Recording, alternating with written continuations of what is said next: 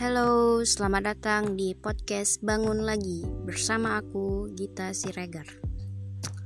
Oke, jadi di podcast kali ini di 18 Mei 2020 sebelumnya aku mau ngucapin Dirgahayu yang ke-72 untuk Ikatan Pencak Silat Seluruh Indonesia atau IPSI.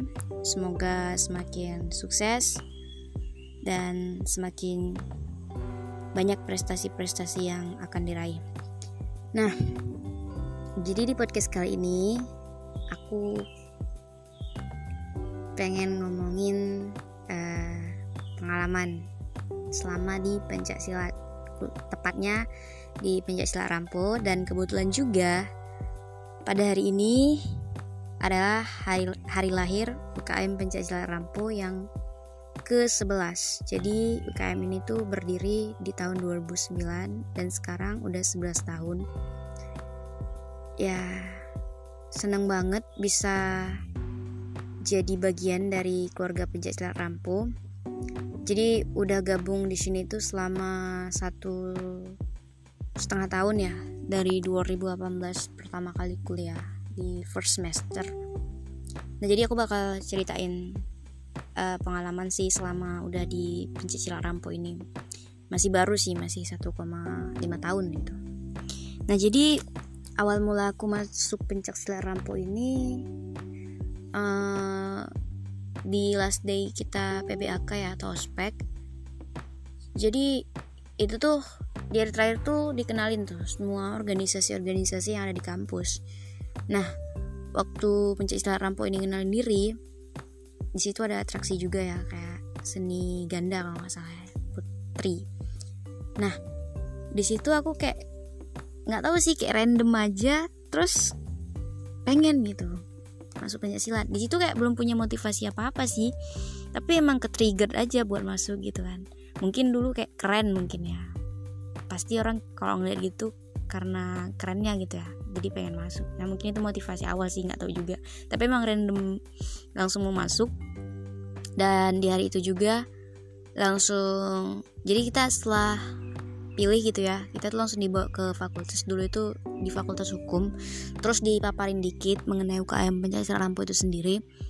Nah ketika itu juga aku semakin ke trigger buat bergabung gitu Nah, terus setelah itu aku ambil formulir jelang beberapa hari kita tuh ada yang namanya pradik atau pra pendidikan ya. Sebelum akhirnya kita resmi jadi member, jadi kita harus uh, seleksinya tuh di pradik di tiga hari tiga malam. Di situ kita dikasih ilmu banyak banget pokoknya ilmu yang kita dapat di situ. Aku nggak bisa spoiler karena itu tuh emang apa ya? Ya kalau mau tuh ya harus gabung dulu gitu lah istilahnya kan. Nah jadi literally tuh aku tuh kayak nggak sama sekali nggak keberatan gitu kan. Karena kalau dari teman-teman aku di luar silat gitu ya kan. Mereka pengen gabung tapi ya mereka beratnya ya ketika pradik tiga tiga malam itu. Tapi emang kayak aku tuh ngejalaninnya waktu itu memang santai betul-betul kayak memang niat dari hati ya ya udah gitu.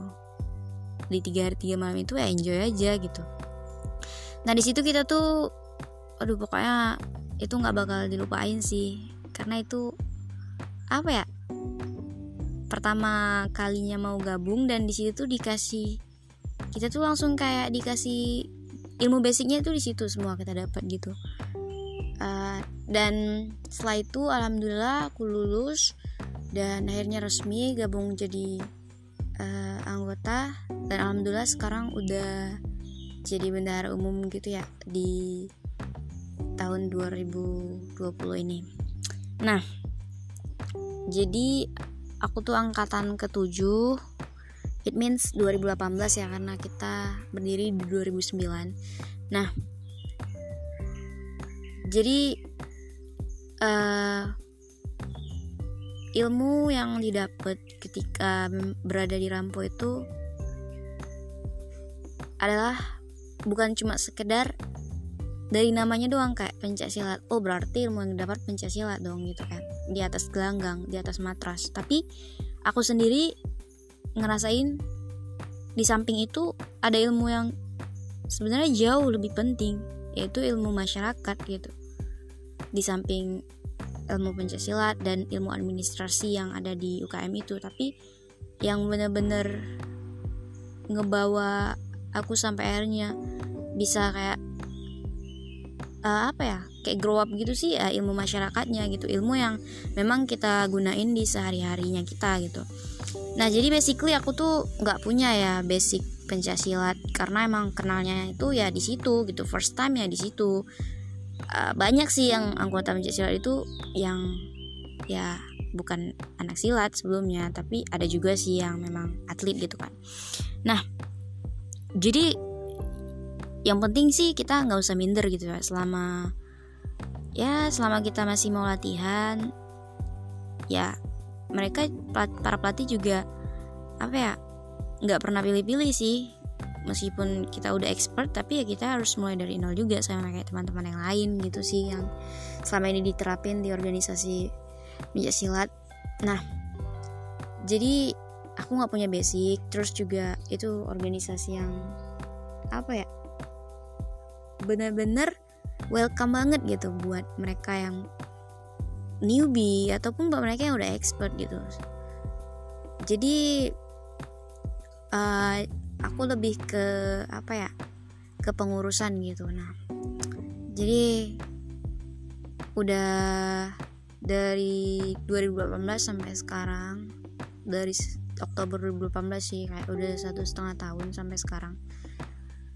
Dan kita itu juga nggak cuman apa ya pencaksilat yang ilmu masyarakat yang kita dapat itu juga bukan cuman ilmu masyarakat yang kayak biasa di organisasi tapi organisasi itu tuh organisasi ini tuh uh, banyak banget relasinya. Dan salah satunya itu di uh, salah satu LSM atau lembaga swadaya masyarakat Balai Jurung. Nah di situ tuh konsentrasinya di nanam mangrove, terus kayak di burung-burung migrasi gitu dan uh, banyak sih hal-hal yang positif yang nah, salah satunya juga menjadi relawan nah jadi kita itu juga termasuk salah satu relawannya dari Balai Jurung dan kita juga sering apa ya dipanggil untuk acara-acaranya mereka gitu dan kita kayak ya kerjasama untuk Rampo dan untuk Balai Jurungnya sendiri.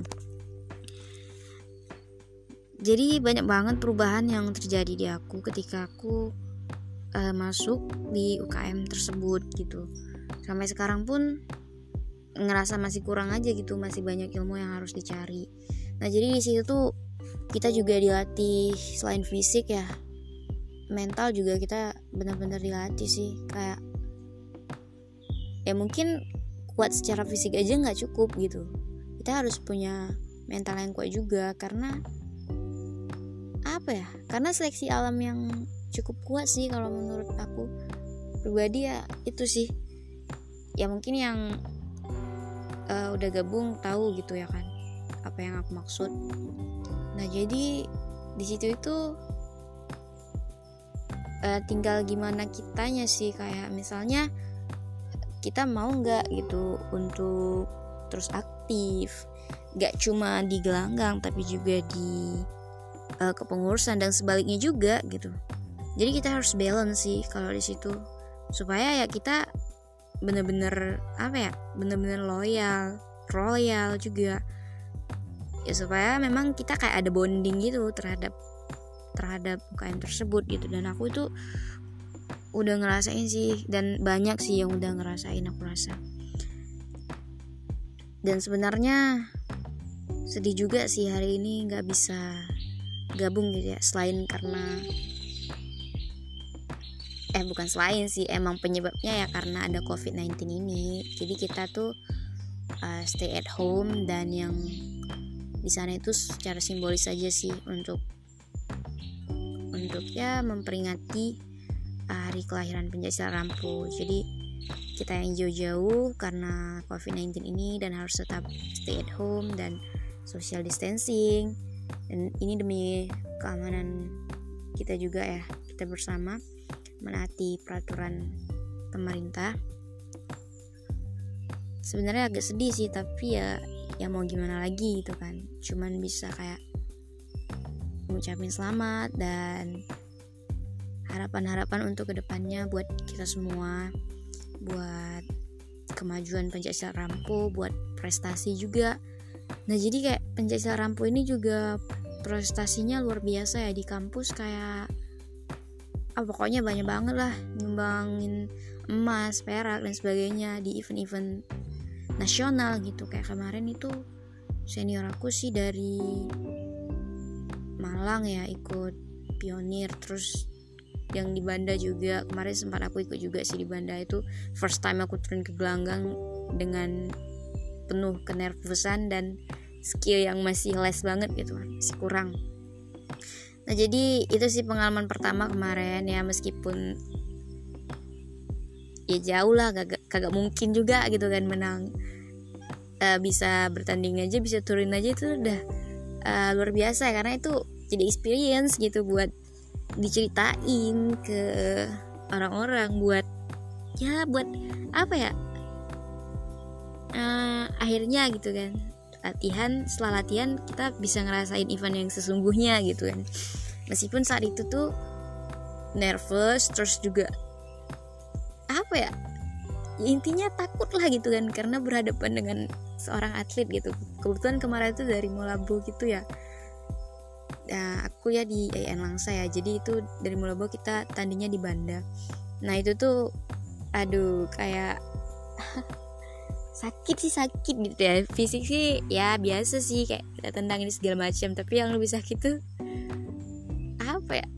Karena kayak nggak bisa belum bisa sih belum bisa ngalahin diri sendiri gitu masih kebanyakan nervous dan nggak tahu kepikiran waktu di gelanggang itu pikiran entah ke mana-mana gitu itu pengalaman yang benar-benar luar biasa sih kalau menurut aku kemarin itu.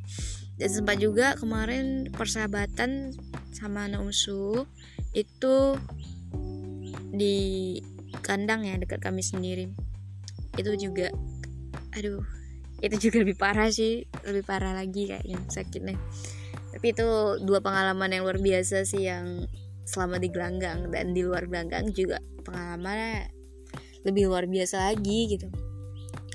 Jadi begitu banyak ya hal positif yang bisa kita dapetin ketika kita bener-bener menekuni dan ya loyal terhadap suatu organisasi gitu. Dan aku ngerasa beruntung dan harapannya sih semoga semakin bisa menggali ilmu bersama sama anak-anak pencari lampu kekeluargaannya juga lebih terjaga.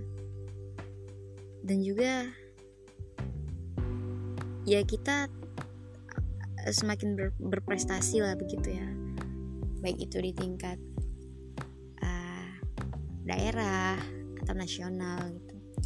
Dan semangat juga buat para atlet yang memang udah sering dapat prestasi gitu semoga prestasinya juga terus meningkat.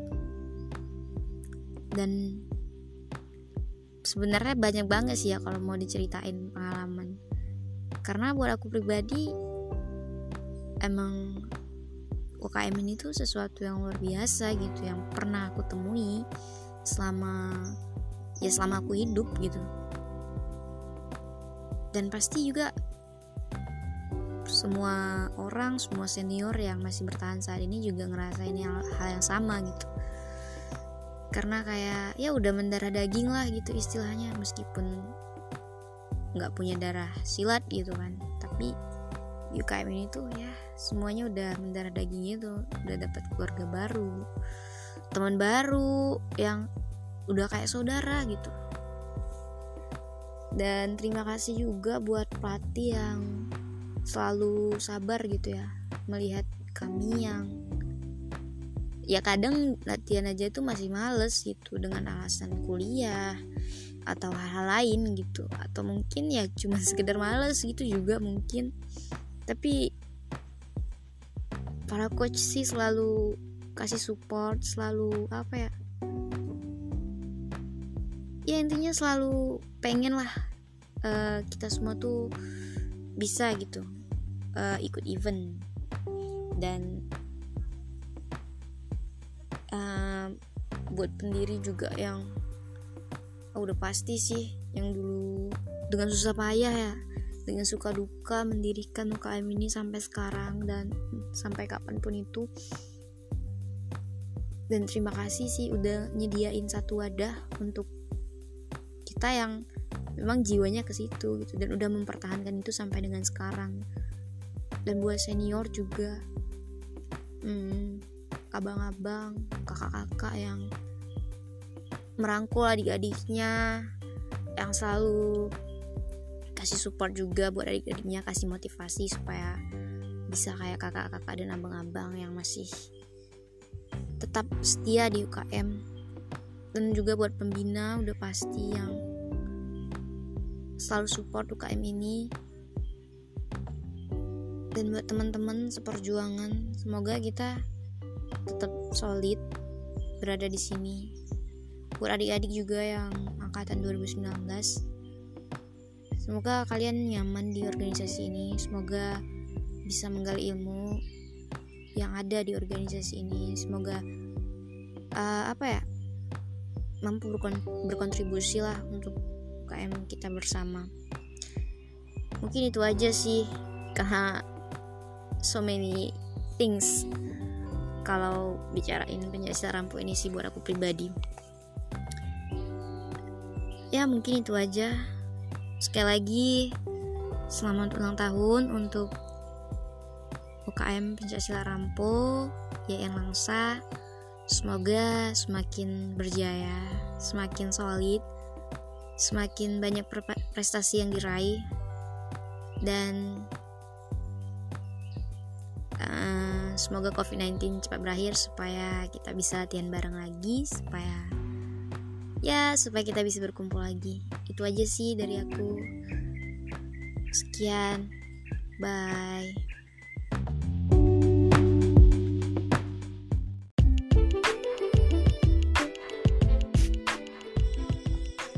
Oke, kembali lagi di podcast Bangun Dulu bareng aku Gita Siregar. Di podcast aku yang ketiga ini, aku pengen uh, apa ya? ngobrolin seputar dunia perkuliahan yang udah aku jalani selama hampir 2 tahun.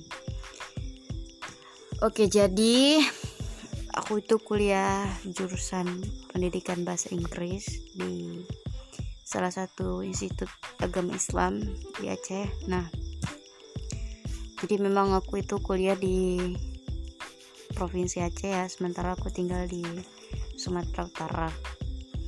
Nah, jadi keputusan untuk ngambil jurusan itu sebenarnya uh, tanpa planning di awal gitu awalnya itu emang nggak ada kepikiran untuk ngambil jurusan itu karena pertama kali mikir untuk ngelanjutin program studi itu maunya ambil jurusan komputer gitu lah. Entah itu teknik atau lainnya. Tapi eh, di awal nyoba dulu ikut SNMPTN dan gak beruntung karena sekolahnya ada problem gitu. Lanjut uh, pengen ikut SBM tapi kayak terlena sama waktu gitu jadi udah nggak teringat lagi buat daftar dan dengan randomnya itu waktu buka buka-buka uh, web uh, ngelihat yang namanya UMPTKIN ujian masuk perguruan tinggi negeri. Gitulah kan. Akhirnya aku pilih aku pilih tiga universitas. Yang pertama awalnya nggak kepikiran bahkan untuk langsung Aceh ya karena memang malas aja gitu kan ke daerah sana. Tapi nggak tahu kenapa sih.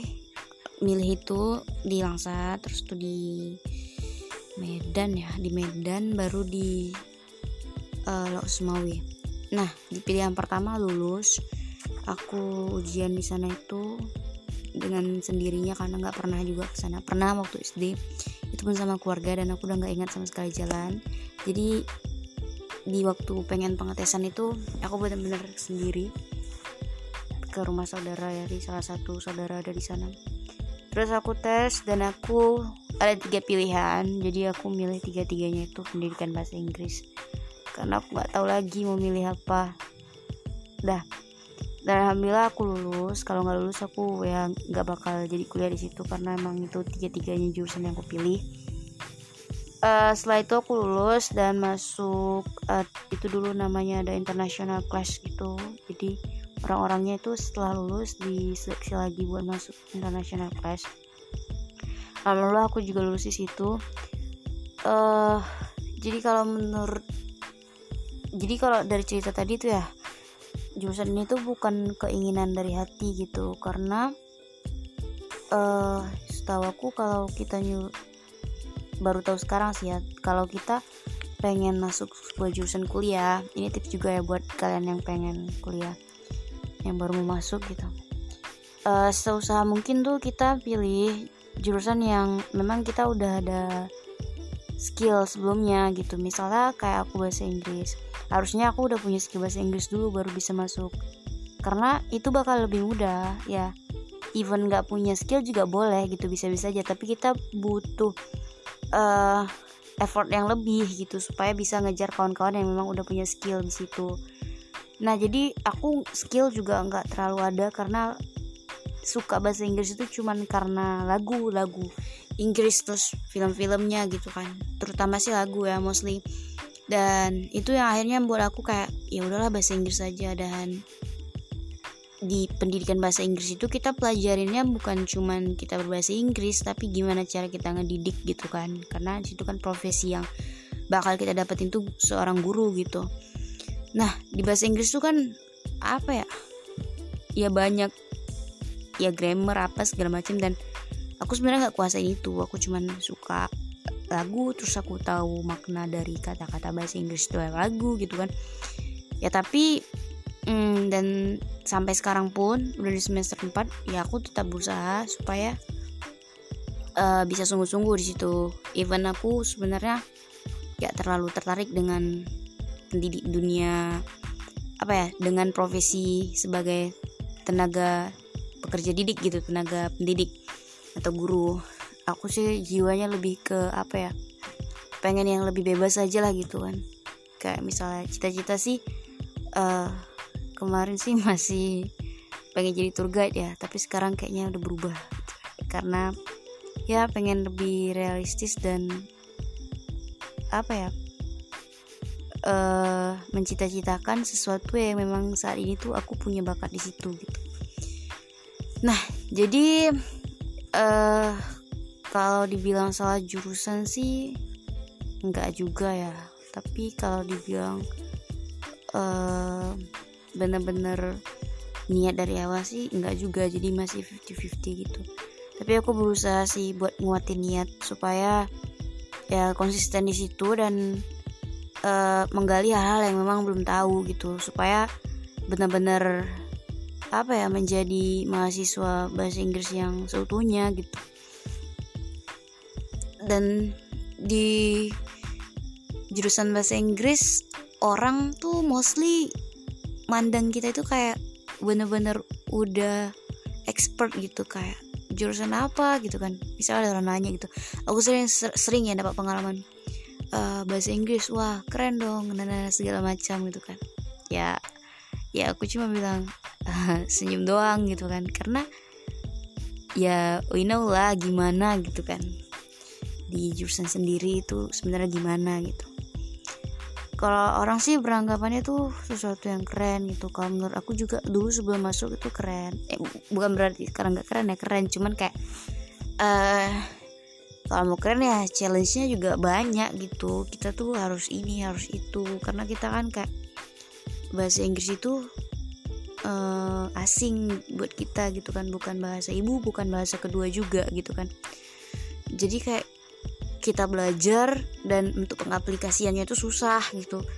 Uh, kita harus cari orang-orang yang mau gitu. Mau improve skill bahasa Inggris dia bareng kita.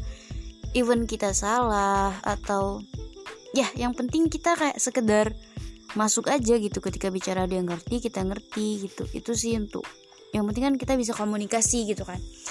Uh, karena kalau kita berpatokan terus pada grammar kita tuh nggak bakal bisa yang namanya bicara. Kita tuh bakal selalu ngerasa uh, bakal salah bakal orang bakal ngetawain kita dan dia nggak bakal ngerti apa yang kita omongin. Tapi um, actually sih enggak ya. Yang penting dia ngerti kita kita ngerti dia dan ya komunikasi itu bakal berjalan gitu kan. Sama-sama bakal ngerti apa yang uh, menjadi bahan pembicaraan gitu. Uh, tapi memang grammar itu penting sih tapi bukan berarti kita harus berpatokan terus untuk bisa berkomunikasi menggunakan bahasa Inggris gitu kan.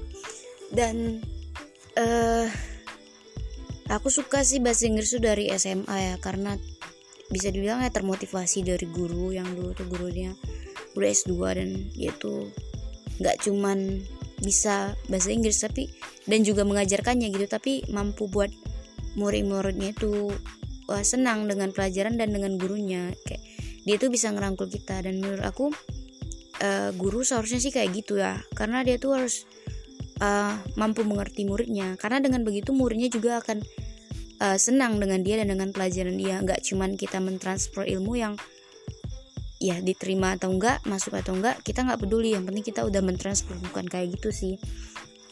Jadi ya dari situlah aku termotivasi dan akhirnya ngambil jurusan itu ya.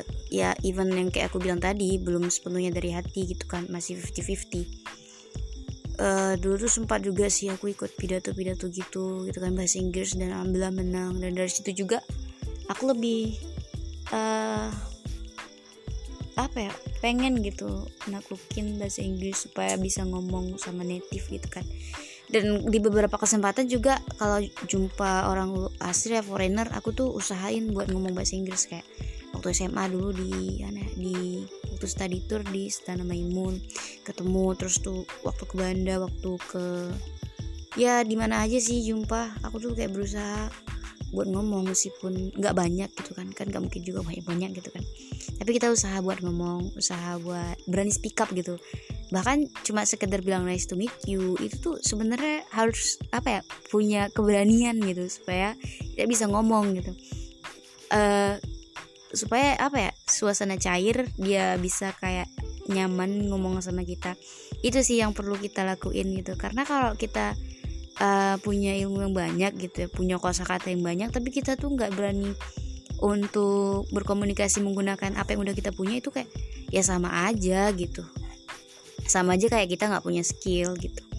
Nah jadi ketika kita bicara ya kita gunain apa yang udah kita uh, dapatin selama ini di teorinya gitu.